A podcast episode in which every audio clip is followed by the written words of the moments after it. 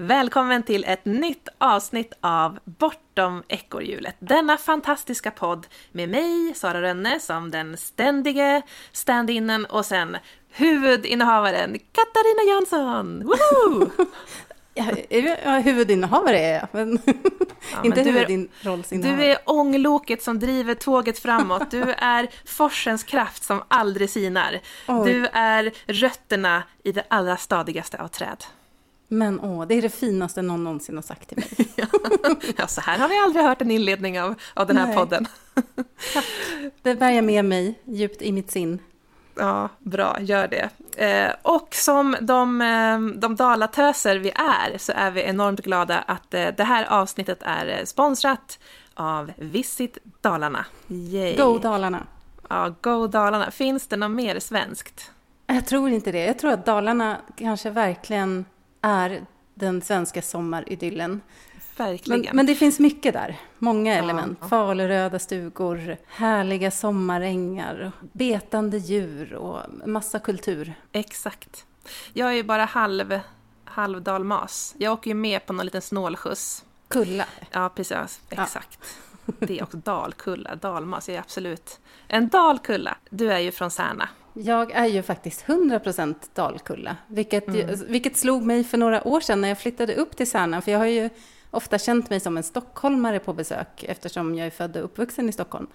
Mm. Men mamma och pappa kommer ju från Särna båda två, så jag är ju faktiskt 100% Dalkulla, även om det inte hörs så väl mm. när jag pratar. Exakt. Och det här blir som ett bra lagt pussel. För jag tänker, ja men din släkt är ju från Dalarna, det, men du är ju född i Stockholm, så det står Stockholm mm. i ditt pass. Medan det står i Dalarna i mitt pass, men min släkt är inte från Dalarna. Däremot har de väldigt mycket bott i Dalarna. Eh, ja, så, så vi kompletterar varandra. Ja, men vi upptäcker så många nya sidor av oss. Eh, men vi ska snacka mer om Dalarna ungefär i mitten av det här poddavsnittet. Då ska du få en godispåse med massa härliga Dalatips. Vi tar intervjun först. When your life's been put on hold for far too long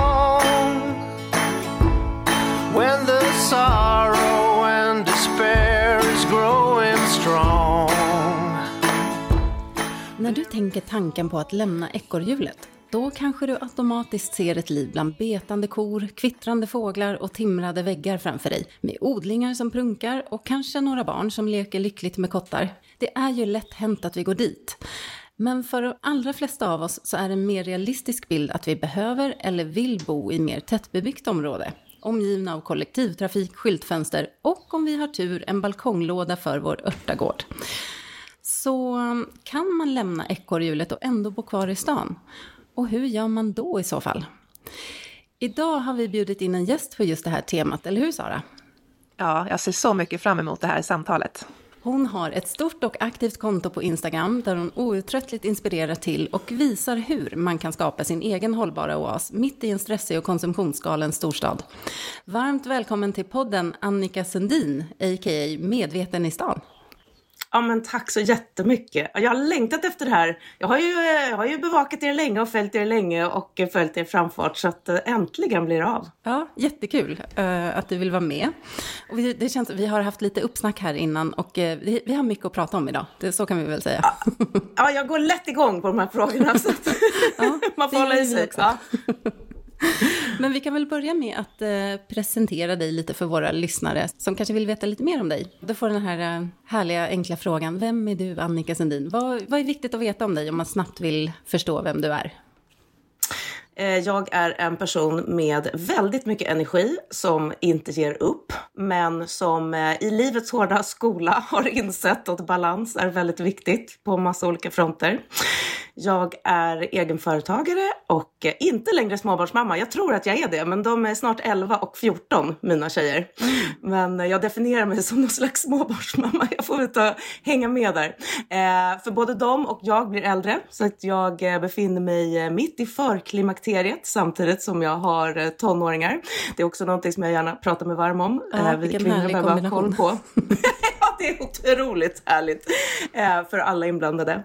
Men jag bor mitt i stan i Stockholm på Kungsholmen. Det var väldigt eh, passande intro som du hade. För det, jag bor, alltså det tar fem minuter att gå precis ner till Citysmeten.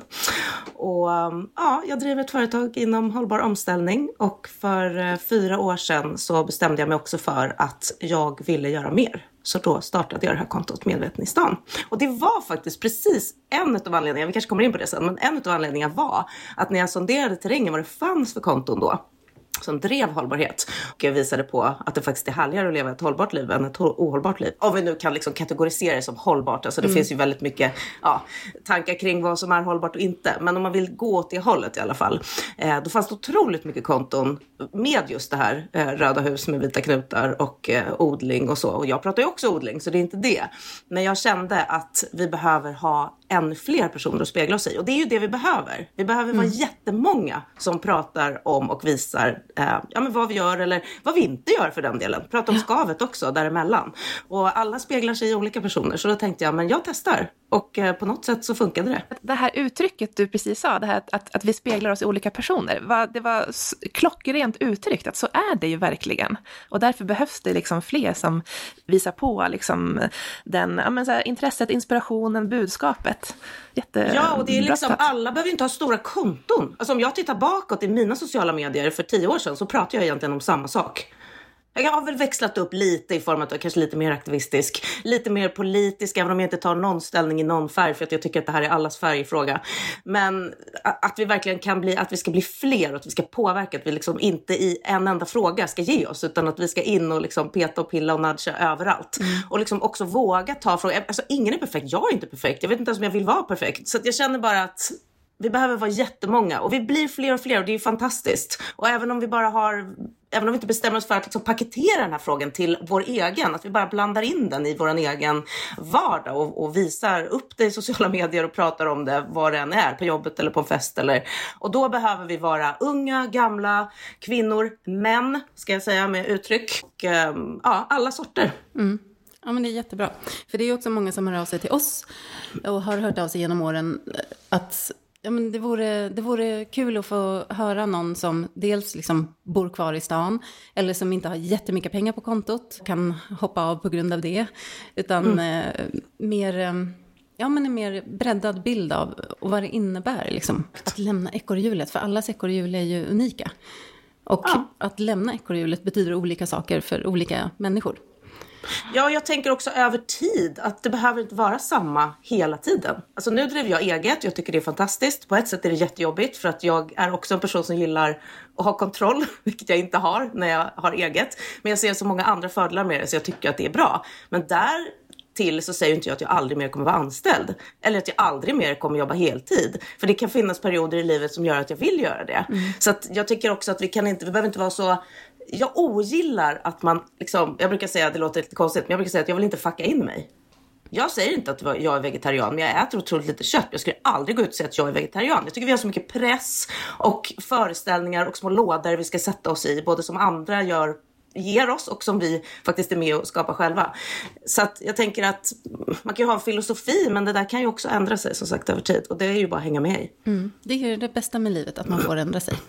Ändå. Verkligen.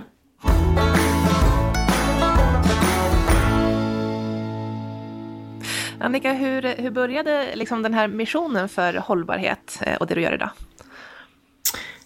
Ja, alltså det var när jag blev gravid första gången, så det var 15 år sedan. Då vaknade jag upp och det är ju egentligen helt sorgligt att det ska krävas ett annat liv för att man ska förstå vad det är man håller på med. Men det var så för mig och det är så för väldigt många vet jag. Ja, det började med maten. Egentligen var det tillsatser och ja, besprutning och den typen av, av eh, ja, fakta egentligen som, som gjorde att jag vaknade upp. Och sen så gick jag över till andra olika områden. Vad vi smörjer på kroppen, vad vi städar med och, och sen blev det ju naturligt ja, område för område, transportkonsumtion. Så att jag har liksom tagit det i bitar och jag tror att det är nästan så man måste göra. Det går inte att gå från det ena till det andra över en natt. Det är helt omöjligt. Alltså om vi tittar på, om man tittar på eh, nyårslöften så bryts de flesta redan 13 januari.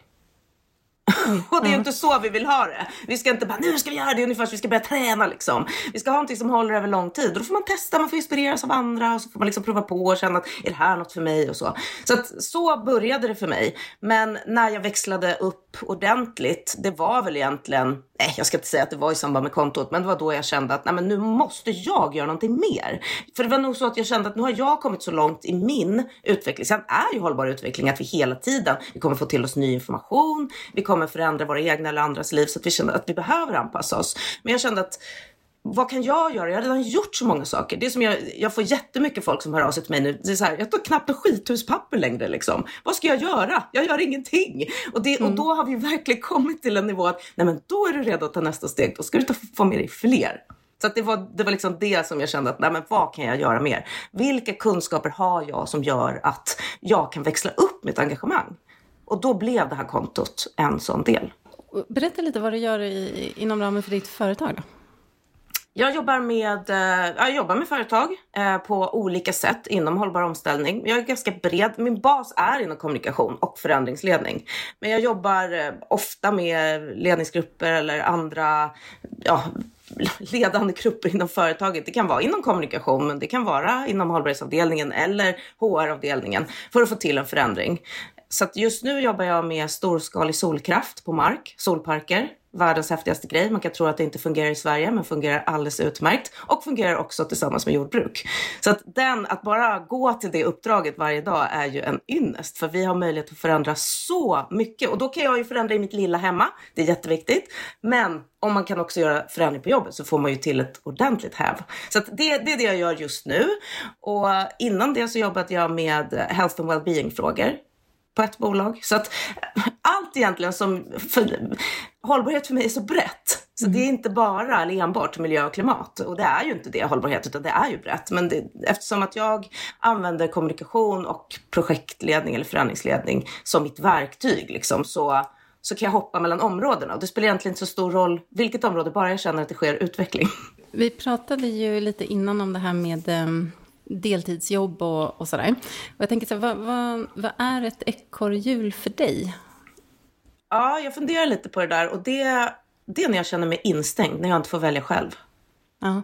Och det är ju som sagt olika över tid. I vissa perioder i livet när jag faktiskt hade småbarn på riktigt, då var det ju väldigt viktigt med att få till ett visst typ av liv. Och nu är jag inne i en annan fas och då kanske det är en annan typ av liv.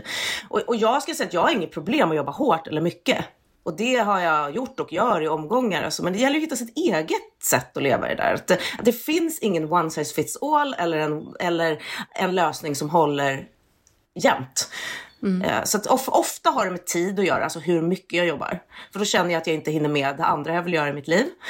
Eller inte göra i mitt liv, vilket, nu, vilket humör jag är på. Men det kan också vara att jag jobbar med personer där jag känner att nej, det här mår inte jag bra av. Så alltså, det är väldigt sådär jag borde egentligen lyssna ännu mer inåt, men jag tänker att det är det det handlar om.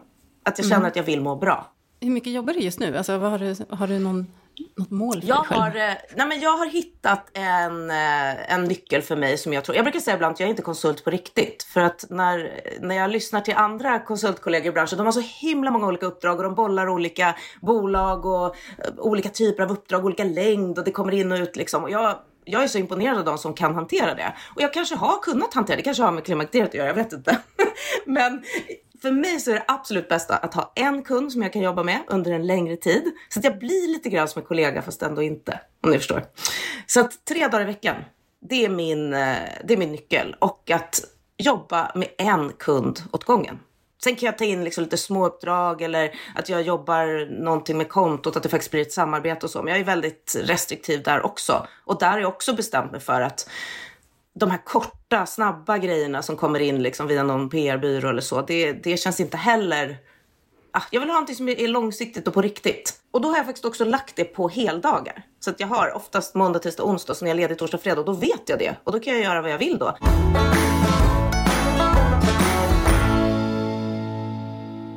Det, det här med ditt konto, ser, ser, ser, du det som, som ett jobb eller ser du det som en hobby? Nej men eh, det är ju mitt hjärteprojekt. Ja. Det får inte bli mitt jobb. men samtidigt så är det ju, det har ju mer och mer blivit eh, ja, lite, lite struktur i det eller vad man ska säga. Men det är ju för att jag vill det. Mm. Jag har precis lärt mig Canva till exempel. Det tog två år innan jag, från att jag ville till att jag började. göra någonting med det. Så att liksom bilderna ser lite, lite bättre ut, lite mer strömlinjeformade. Men det är ju inget måste. Det kan jag ju bestämma för att sluta med imorgon dag, för det är ju bara jag som bestämmer det. Mm. Och jag märker ju också att när jag gör saker som bara är superspontana. Jag pratar in någonting, men det är liksom det som går bäst. Varför ska jag då sitta och hålla på och göra research och lägga mm. ner en massa tid? Så att eh, nej, det, det, får inte bli ett jobb. Men det är klart, om jag har samarbeten, då, är det ju, då blir det ju ett jobb på, mm. på så sätt.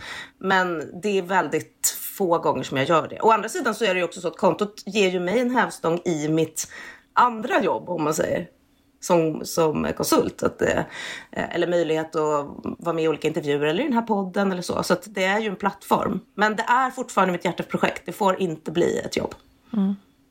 Hur ser du på, på livet i stan, liksom kopplat just det här med ekorrhjulet? Och, och då kommer vi också in lite grann på normer kanske, att, att eh, när man spontant tänker på att lämna det så är det alltid, alltid säger jag nu innan sådana här quotation marks, liksom en mm. längtan bort från stan som, som ingår i den drömbilden. Men vad, vad är din syn på det?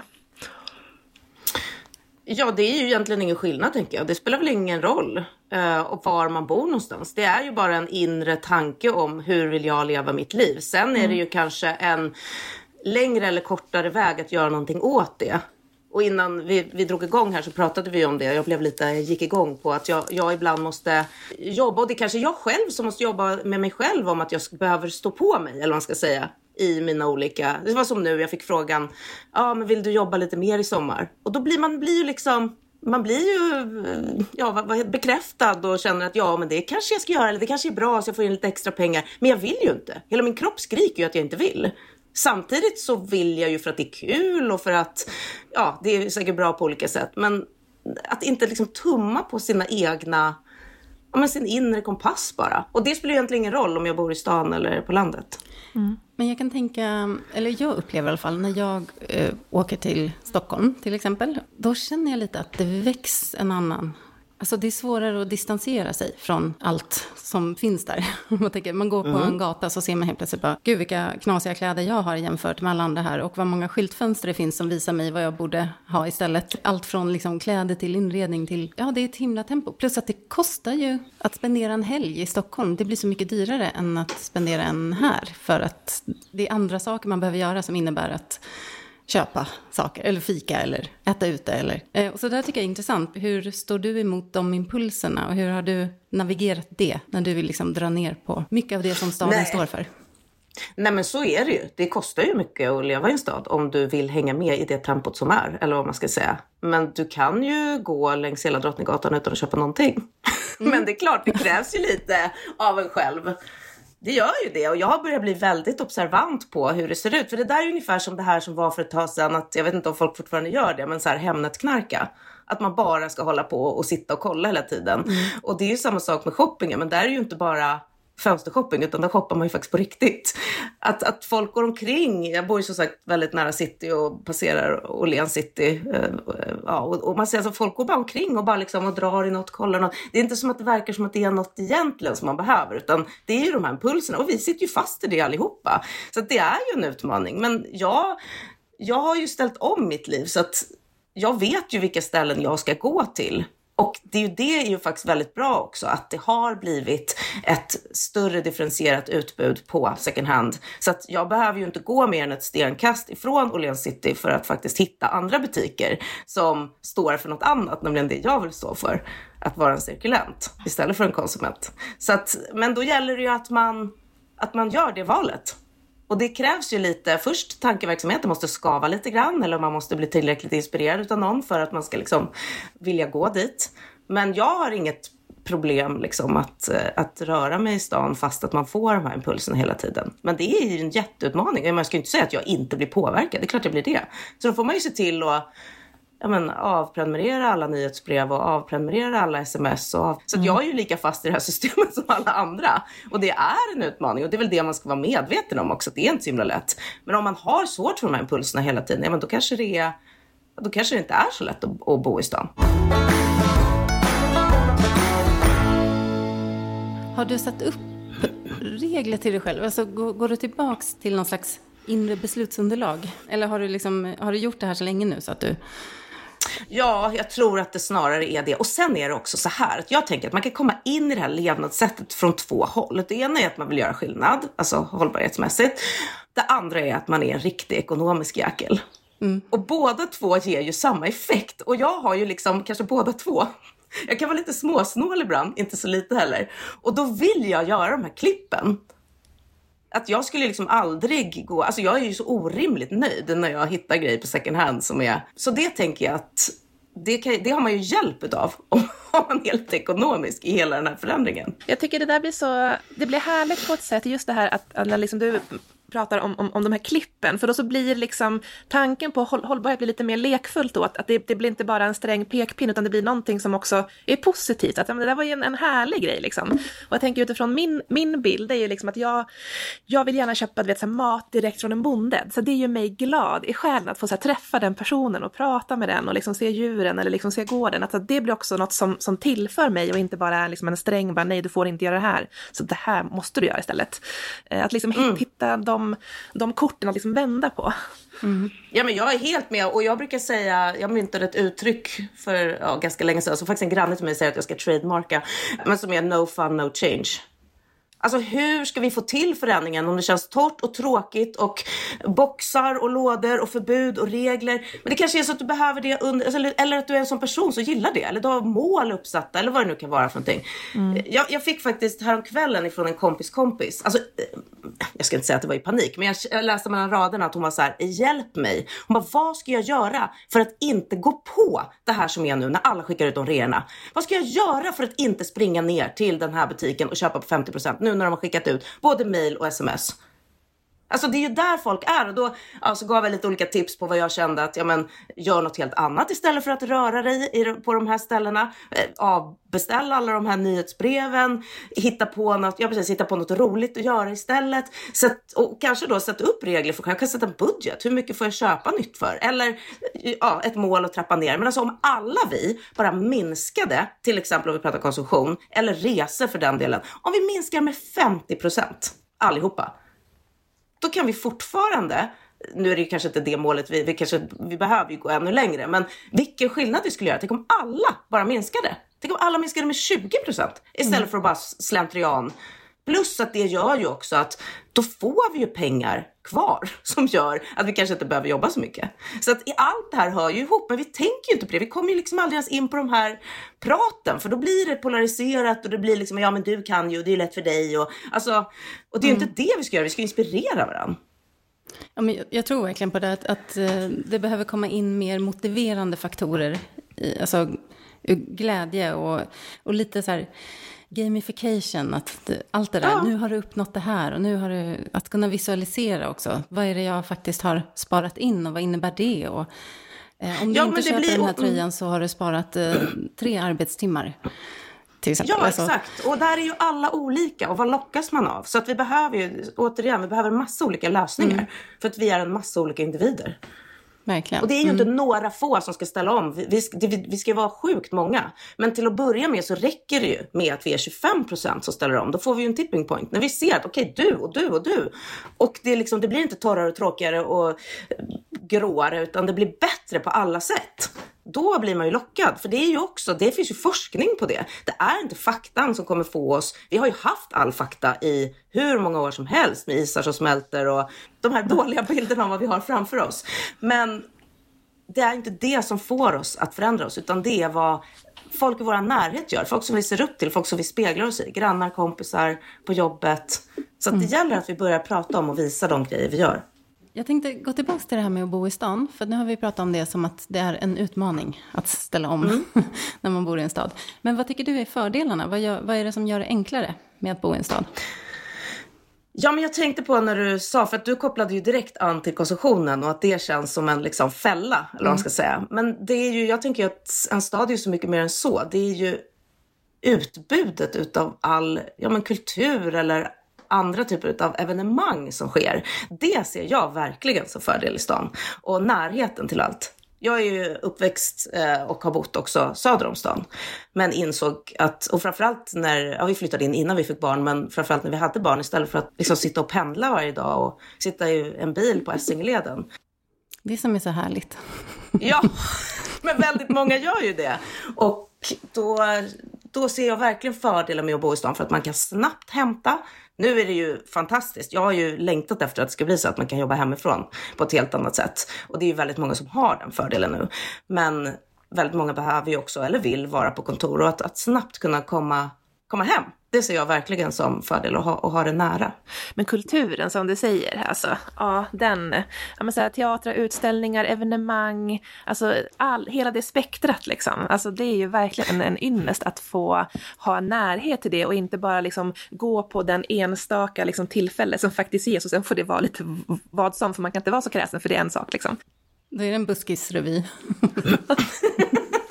ja, nej, men sen är det så att jag läste någon gång, jag vet inte om det stämmer, men folk som bor i stan är de som är sämst på att nyttja alla ut, allt utbud som finns. Och det är också lite tråkigt, men jag tycker vi är ute och gör grejer hela tiden och det behöver ju inte heller kosta pengar.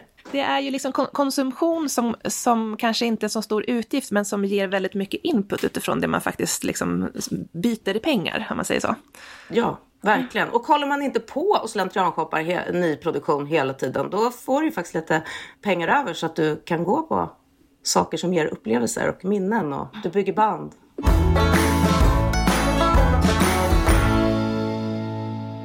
Vi pratade också om det här med 100% normen.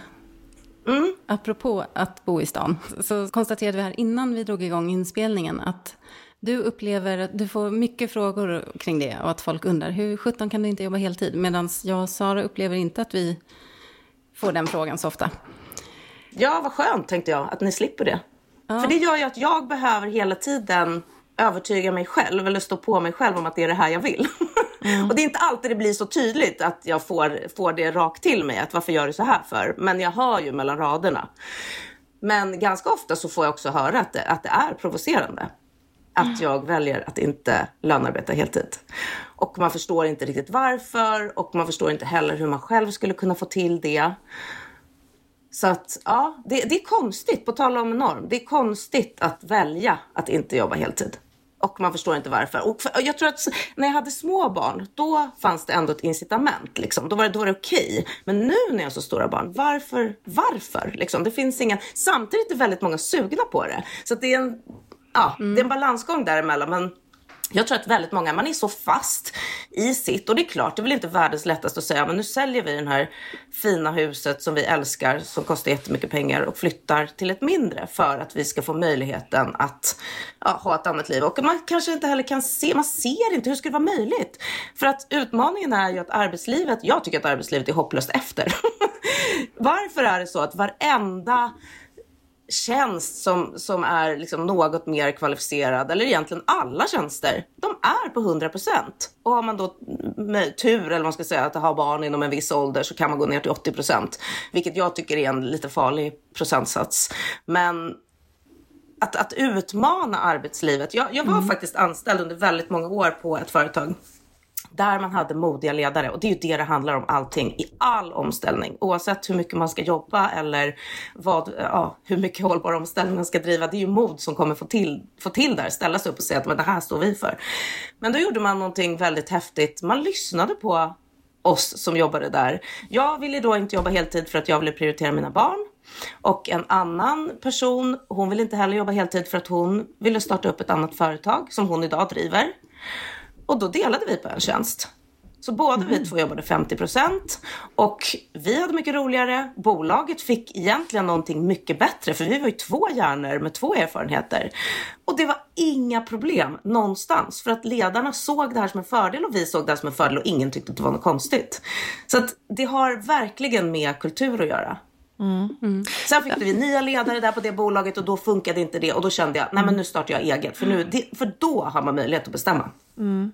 Ja, ledarskapet är otroligt viktigt utifrån så många aspekter, utifrån att faktiskt ge medarbetarna frihet att, eh, att arbeta på det sätt som ger en bra liksom, leverans, men som också ger en, en bra, så god medarbetarhälsa. Att, liksom, att det kan bli en jättebra kombo, man måste verkligen liksom, eh, ha, ha den tillåtelsen och ha den förståelsen. Och när jag tänker på just det här med stad, karriär och bolag som låter folk jobba deltid, det enda jag kan tänka på då, det är ett exempel på IT bolag som har som, som grej att sponsra eh, elitsportare egentligen. Och då finns det som så att, ja men absolut, du får jobba deltid för du måste ju träna så mycket för du ska ju prestera ja. på annat. Som att då är det en så här godkänd ursäkt. För så här, det är prestationer liksom det handlar om mm, ändå. Precis. Jo, men jag menar, och det, ja, det är klart, någonstans kanske man måste börja då. Så kanske den, och, och, och, många skulle inte ens göra det för den skull, eller vad man ska säga. Men det är precis det, man ska inte behöva förklara egentligen Nej. varför. Utan så här, jag vill gärna bidra på det här företaget så här mycket. Kan vi komma överens om det på något mm. sätt? Och egentligen spelar det ingen anledning. Men det känns ju som att har du barn eller vill du starta ett bolag eller har en annan karriär, ja då är det mm. okej. Okay. Kanske. Mm. Precis. Ja, men, det... Eh, nej, men jag håller med. Och vem har bestämt hur mycket 100% är? Det är ju bara en gammal liksom, kvarleva från industrialiseringen. Verkligen. Verkligen. Och det har ju med att göra, okej okay, hur mycket utgifter har du? Hur mycket behöver du tjäna för att kunna täcka dem? Mm. Och det måste väl vara upp till var och en. Kan jag göra det? Alltså kan jag bidra med Exakt. det värdet? Mm. Exakt. Det är intressant. Det finns jag, verkligen mycket att resonera kring där.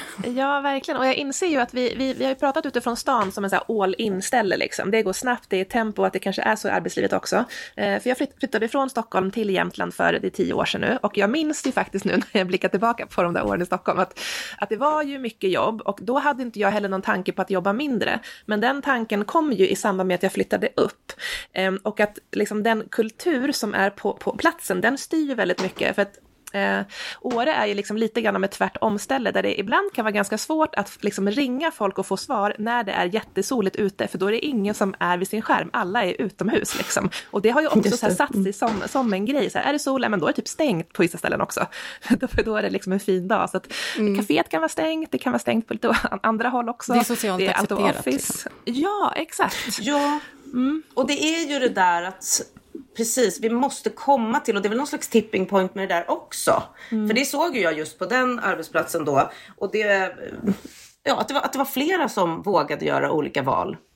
Men också sitter det i ledarna, jag menar den ledaren är ju fortsatt så även på andra arbetsplatser.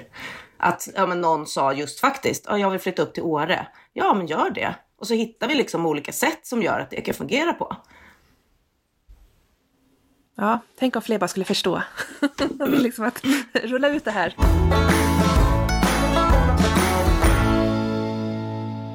Det här handlar mycket om psykologi och beteendevetenskap. Och, och jag tänker, du jobbar ju mycket med, med företag nu som vill göra en omställning, antar jag. Men hur, vad har du sett för nycklar? Vad, det, vad får dem till en tipping point? Eller vad får dem till att verkligen vilja göra en förändring och inte bara ha det i en policy för att det ska ser bra ut. Vad är det som motiverar? Nej, men det är ju återigen ledarna. Alltså det går nästan inte att förändra om vi inte har ledare som, som förstår fördelarna. Och det kan ju komma från olika håll. Det är ju förstås det är ekonomiska incitament där också. Man kan ju se vissa ledare som verkligen går ut och precis som du säger pratar utifrån ett, ett mänskligt och beteendepsykologiskt perspektiv. Men, men de flesta pratar utom, ut, utifrån ett ekonomiskt perspektiv. Och egentligen spelar det ju ingen roll, även om jag gillar det första mycket bättre. Um, och det här handlar ju inte om att vi inte ska ha ett eh, ekonomiskt samhälle. Det, det, kommer vi ju ha på, på ett eller annat sätt. Det är bara frågan om vi kan dra nytta av människor och eh, naturresurser på det sättet som vi gör. Och där är ju mitt svar absolut nej. Men de flesta ser ju inte det. Men det jag gör ofta, dels så är det ju som sagt, det är ju ledar, ledar alltså vi måste in i ledarskiktet ordentligt och ha en rak och tydlig dialog. Men sen använder jag jättemycket medarbetarskapet. För det är så otroligt många kloka medarbetare där ute som har jättemycket idéer, men som också inte vet hur de ska kanalisera det.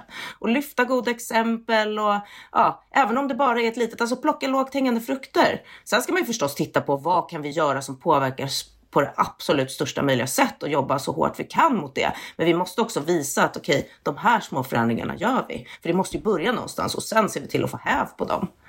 Mm. Så att om det är ett lokalkontor som har gjort någon förändring, alltså visa upp det och så, så liksom se till att fler applicerar det här på sina verksamheter också. Jag tänker att det här med ledarskapet, det, det kan ju appliceras på samhället i stort också. Att det behöver ju verkligen representeras mycket mer i, i politiken också. Ja, verkligen. Det, mm, för jag tänker, det kan ju kännas lite hopplöst här när man tänker hur, hur ska vi lyckas ställa om och vart vi står idag, vart vi är på väg och hur tendenserna går när man ser till hela världen. Sådär. Men vad, vad ser du för möjligheter som liksom ger hopp framåt? Nej men det är ju alla förändringar som sker och alla samtal och alltså allt som jag får till mig på kontot. För jag kan ju tänka ibland så här, är det ens någon mening att jag håller på med det här? För jag pratar ju bara om samma saker hela tiden. Men det är, alltså vi är så många som är så långt ifrån att ställa om. Eller man har börjat någonstans eller inom något område. Så att alla de diskussioner som jag har, alla de frågor jag får, dels där, men också alla bolag som ställer om, alla nya innovationer som finns. Eh, till exempel eh, här, här om veckan, förra veckan, då var jag på två stycken världspremiärer. Det ena var en eh, elekt självkörande elektrisk passagerarfärja som går i Stockholm. Och det var liksom första i världen och som går på solel så himla häftigt. Och det var ju på lite, det var lite, lite sträcka och kanske just den kanske inte gör världens största skillnad. Men tänk när du sen kan applicera det här på och, och börja sjötransporter på ett helt annat sätt. Det, det var ju helt fantastiskt. Och sen helt fossilfri eh, kalk som ju behövs inom allting, inom industrin och cement och allting som vi egentligen framställer. Att kunna få en omställning inom de här stora sektorerna. Det, det, kalkindustrin, det avtrycket står på 8% av vårt avtryck, klimatavtryck. Tänk om vi kan få häv på det. Så att sådana typer av idéer, innovationer och framgångar och förändringar till att folk börjar känna att ja, men jag kanske ändå vågar prata om de här frågorna. Jag fick en, eh, en gammal kollega som hörde av sig till mig som sa att åh vad inspirerande när du pratar om tåg, jag vill åka mer tåg och det är så himla jobbigt på jobbet för där flyger vi hela tiden. Men hon hade varit nere i Frankrike med jobbet och där då åkt tåg. För där har ju de dessutom lagar som gör att du ska ta tåget om det är eh, kortare eller inom, inom en viss sträcka. Då får du inte ens flyga. Hon sa att hon tyckte det var så härligt att åka tåg där nere och hon ville prata om det.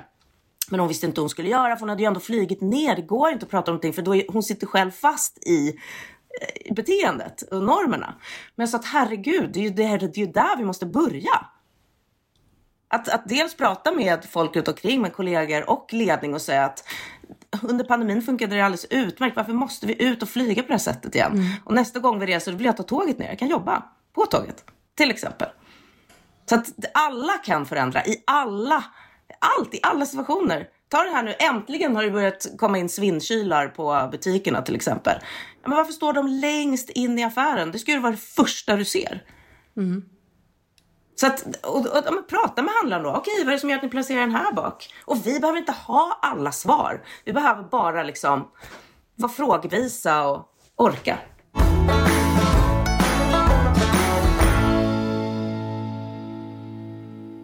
Du Katta, när man tänker på semesterresor då kanske man tänker på att man, ehm, man åker till till exempel Arlanda i så här Arla morgonstund, hoppar på ett tidigt flyg till Grekland eller Korsika eller Spanien eller ja, vad man nu tänker sig.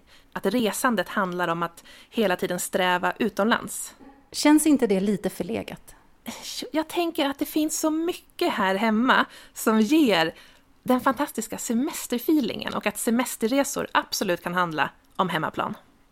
Och det som är med Dalarna, det är ju att eh, det är liksom en, en så avgränsad geografisk plats där det finns så otroligt mycket. Vi pratar mathantverk, vi pratar kultur, vi pratar ja, så sport som cykling till exempel, som jag i den här podden hela tiden säger att jag ska göra mer av. Eh, och jag är så nöjd att jag har fått cykla ganska mycket i vår hittills och att det kommer bli ännu mer i Dalarna. Eh, för jag ska ge mig ut på en, en Dalaresa här i juli och ni ska absolut få följa med på den. Det kommer eh, ske om några dagar. Men vi tänkte prata lite Dalatips redan nu. På visitdalarna.se så finns det sjukt många tips och guldkorn på saker att se, göra, uppleva, bo, äta med barn, utan barn. Jag tycker de har väldigt bra nyhetsbrev. Gå in på visitdalarna.se och signa upp på nyhetsbrevet så kommer du få tips löpande.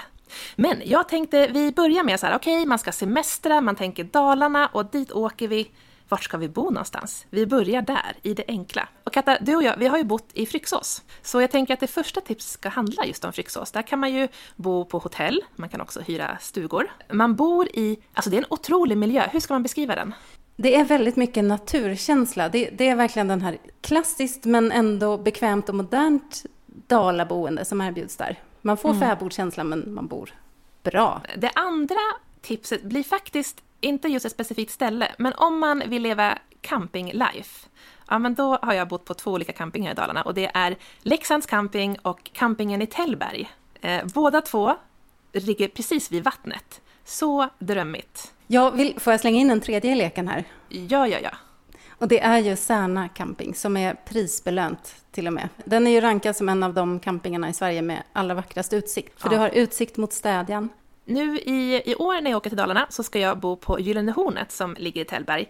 Det ska bli jättespännande för de är ju eh, såhär, bike qualified, det vill säga att de har fått en, eh, ett certifikat för att vara liksom en ultimat plats att bo på för cyklister. vi går över till mat. Eh, här kan det vara som så att vi inte kommer att hålla oss till tre tips heller. Vi börjar med ett ställe som jag inte varit på, men det står hela tiden på min bucketlist och det är Bistro Apan. Vi mm. har ju en gemensam kompis som eh, hela tiden säger så här, Sara du måste gå och käka på Bistro Apan. För de som är nyfikna och kanske vill eh, besöka den, vart ligger den här då? Det ligger utanför Vikarbyn. Och sen har vi också Solgårdskrogen. Det ser också väldigt härligt ut. När jag går in på, på den hemsidan så ser det liksom ut som att råvarorna kommer direkt från jorden och man äter middag i växthuset. Och det, liksom, det känns bara så här, så här medvetet, härligt och autentiskt. Och jag ser fram emot att eh, åka dit och käka. Jag har ett sånt ställe också. Ja, berätta. Och, och det, nu kommer jag med ett Särna-tips igen här, men så, så, får det vara. Det är eh, Turistgården i Särna. Det här har inte jag provat än och det vill jag göra i sommar. De har både som ett bageri och, och serverar väldigt god mat där. Så man, även om man inte bor där så kan man komma dit och äta. Mm.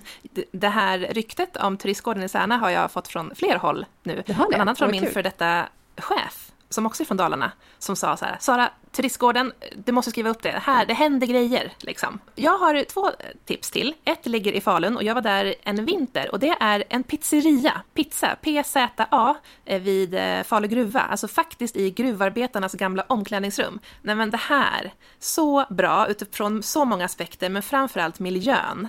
Eh, om vi har det här liksom autentiska jord till bord på ett ställe så har vi den, den, här pizzerian med liksom, det är helkaklat, det är liksom rosa kakel, det är gult kakel. Ja men det är bara häftigt och det är också medvetet så att det är liksom jättebra råvaror och det är bara häftigt på ett helt annat sätt. Och sen ser jag också fram emot en fäbod, eh, en, alltså fäbodmat. Karl Tövåsens fäbod. Det är en levande fäbod, en av våra absolut äldsta. Man kan köpa hantverksproducerad mesmör, ostar, Alltså så häftigt liksom med, med det här äkta, genuina och liksom en del av vår historia också. Ja, det finns mycket att äta i Dalarna generellt. Det finns ju så mycket mathantverk och restauranger och små gårdsbutiker. Och det finns också jättemånga tips på Visit Dalarnas hemsida, visitdalarna.se. Så att, men, det är liksom the go-to-site för alla sådana här tips. Och sen kan man göra sin kulinariska matkarta och bara roadtrippa här emellan. Det här är ett av de ställen som jag eh, tänkte besöka nu när jag ska till Dalarna om bara några dagar. Så att jag ser fram emot att eh, fota lite och kanske posta på vår Instagram. Vi kanske kommer lägga upp eh, den här lilla bucketlistan där, eller? Ja, mycket bra idé. Så gör vi. Så gå in på Instagram och så kan du spara den, så har du kvar tipsen till när du själv ska besöka Dalarna. Och jag tänker Katta, nästa avsnitt, då kan väl eh, vi köra en rapportering från när jag har varit i Dalarna eh, och snacka lite mer om mina bästa upplevelser. Det tycker jag vi gör. men då återkommer vi helt enkelt med ett resereportage från Dalarna av Sara Rönne i nästa avsnitt. Så Exakt. går vi tillbaka till intervjun nu.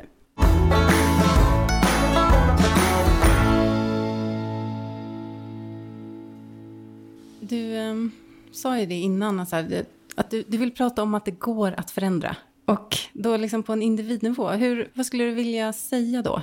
Om man går och tycker att det känner lite hopplöst, lite svårt. Man kanske jobbar på en arbetsplats där det inte är så mycket prat om de här sakerna eller umgås i kretsar där det är en annan norm som styr sådär. Bit för bit, steg för steg. Hur, hur kan man ta sig an det?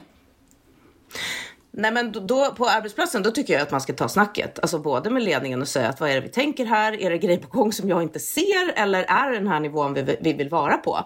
Och, och utifrån det ja, bestämma sig för hur man vill göra, men också gå ihop med andra kollegor då på arbetsplatsen och faktiskt snacka ihop sig och komma som en grupp med att vi har det här idén, kan vi få göra det här? Jag menar, det är ju fortfarande så faktiskt att hållbarhetsavdelningarna är ju, det är ju oftast en eller några få personer. De behöver många fler fötter att springa med, så att jag skulle bli otroligt förvånad om hållbarhetsavdelningen sa att nej men det här vill vi inte ha hjälp med. Så att gå ihop och göra någonting tillsammans. Eller bestäm dig bara för att nej men den här arbetsplatsen vill inte jag vara med och bidra till. Jag, jag, jag jobbade som konsult på ett bolag där jag, som var riktigt ohållbart, så kan man säga. Mm. Eh, och jag kände att ja, men det är ändå bra att jag kommer in här för då kan jag vara med och faktiskt göra skillnad. För att om de ställer om, jäklar, då blir det förändring. Men det var, det var i princip omöjligt. Jag kände hela tiden att jag bara slog huvudet i väggen och det hände ingenting. Eller det var mycket snack och lite verkstad. Jag kände att nej, jag vill inte, jag som person vill inte vara i den typen av miljö. Mm. Och det måste man ju känna själv. Var får jag kraft och energi någonstans? Så att det är det ena man kan göra på jobbet, verkligen göra skillnad. Och det är ju samma sak i bostadsrättsföreningen eller i idrottsföreningen. Och man behöver inte, du kan ju vara den sura om du vill, men det är oftast inte då du får igenom saker, utan man får, liksom, man får lite smart, man får lirka in olika grejer, man får komma med färdiga lösningar, förslag, idéer, erbjuda sin egen tid liksom, för att testa olika saker. Det tror jag verkligen på. Och det här med umgänget, det är ju tricky. Alltså. Jag vet att det är jättemånga som har eh, tankar kring det. Liksom, ska jag byta hela min umgängeskrets eller ska jag bara blunda eller ska jag prata om det ibland? Och det där måste man ju känna själv, vad som funkar. Och det, ja, det var någon som sa till mig för ett tag sedan, men om det, nu, nu är det här, det här är inte 100% bra egentligen jämförelse för att det ena påverkar mest personen och det andra påverkar alla. Men, men om någon röker då håller ju inte du på att hacka på den hela tiden och kommer med fakta och lägger fram olika artiklar och liksom. Det, det funkar ju inte så. Och det kanske inte är så, det är inte så man når framgång i det här fallet heller. Men någon gång, kanske bara fråga av ren välmening, liksom. Vad, vad, tänker du när du gör så här? Eller ja, skulle du kunna tänka dig att göra på ett annat sätt? Eller och jag mm. var på en fest för ett tag sedan och då, då satt alla runt bordet och jag gillar egentligen inte flygskam och jag ska inte säga att jag aldrig kommer flyga mer eh, som person, alltså jag personligen. Men jag vet samtidigt att det är otroligt stort. För mig, mitt eget klimatavtryck, så är det det som ger störst påverkan.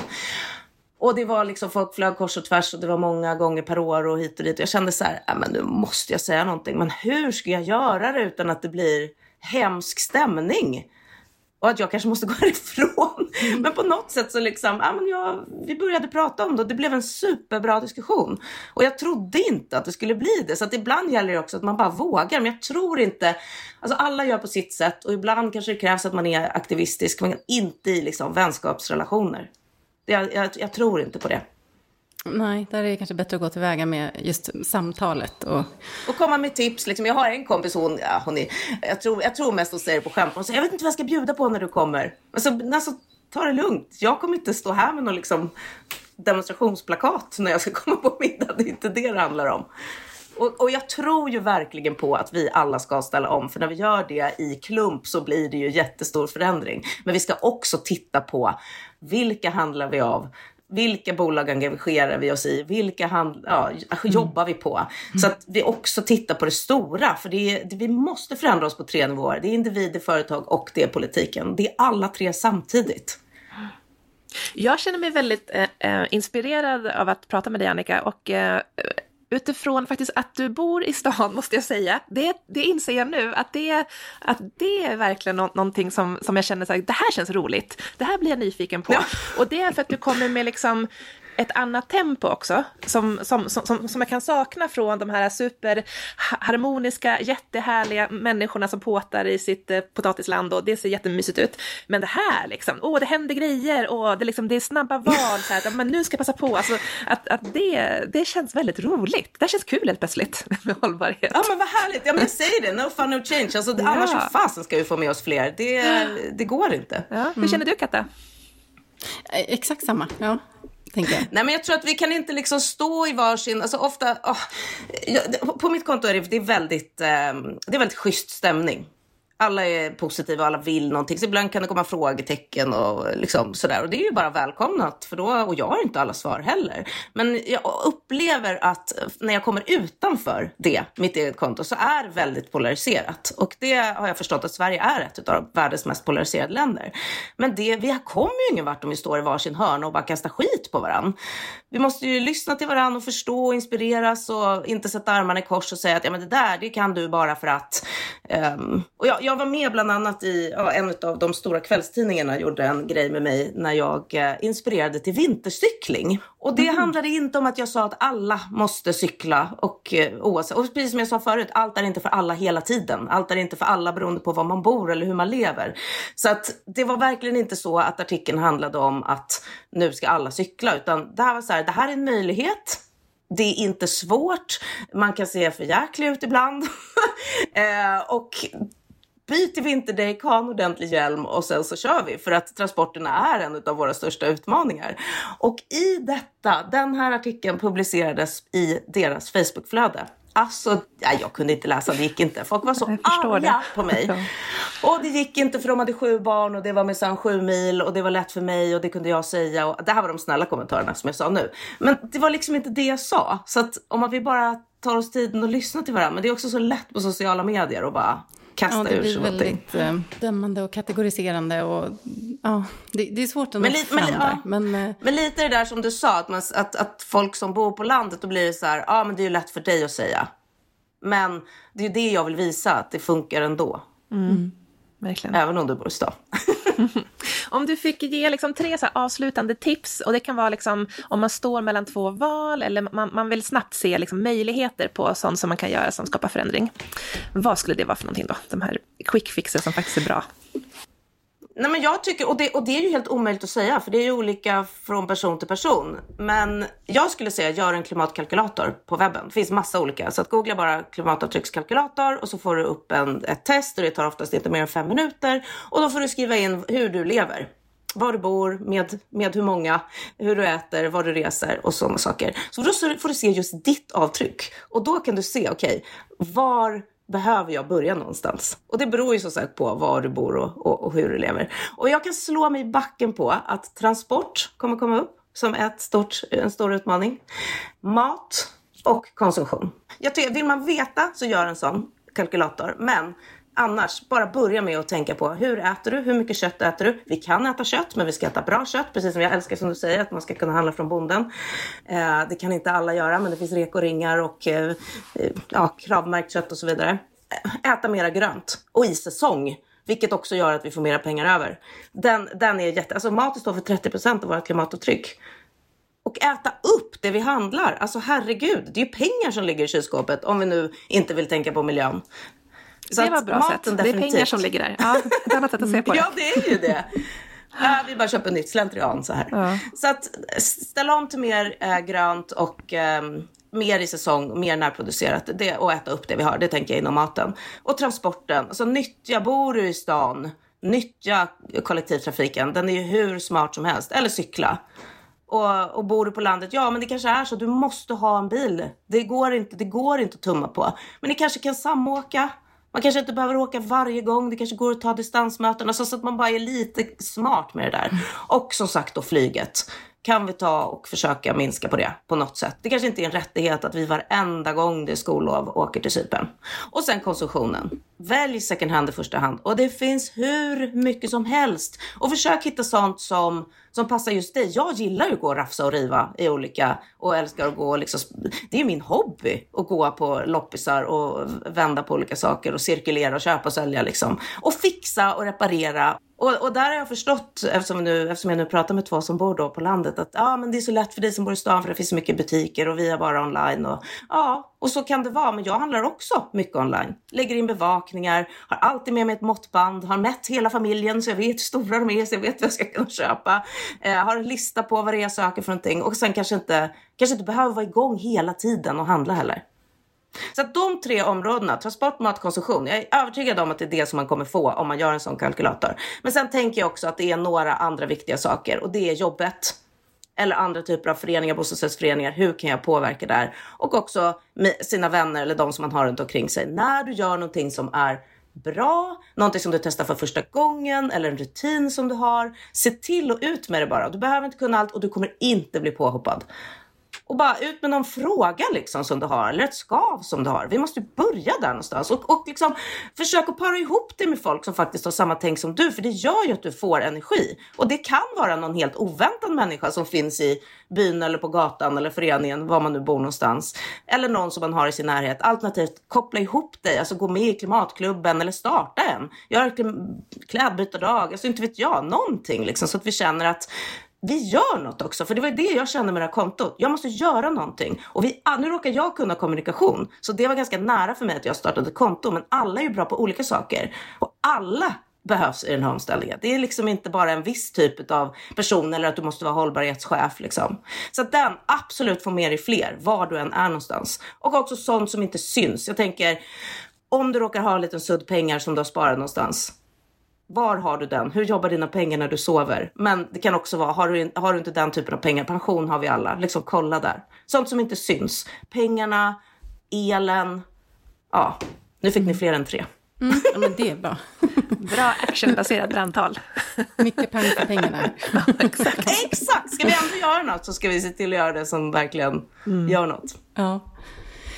Och eh, om man nu är nyfiken på att eh, höra mer av dina kloka ord, vart eh, hittar man ja. dig då? Ja, då är det ju då på Medveten i stan på Instagram.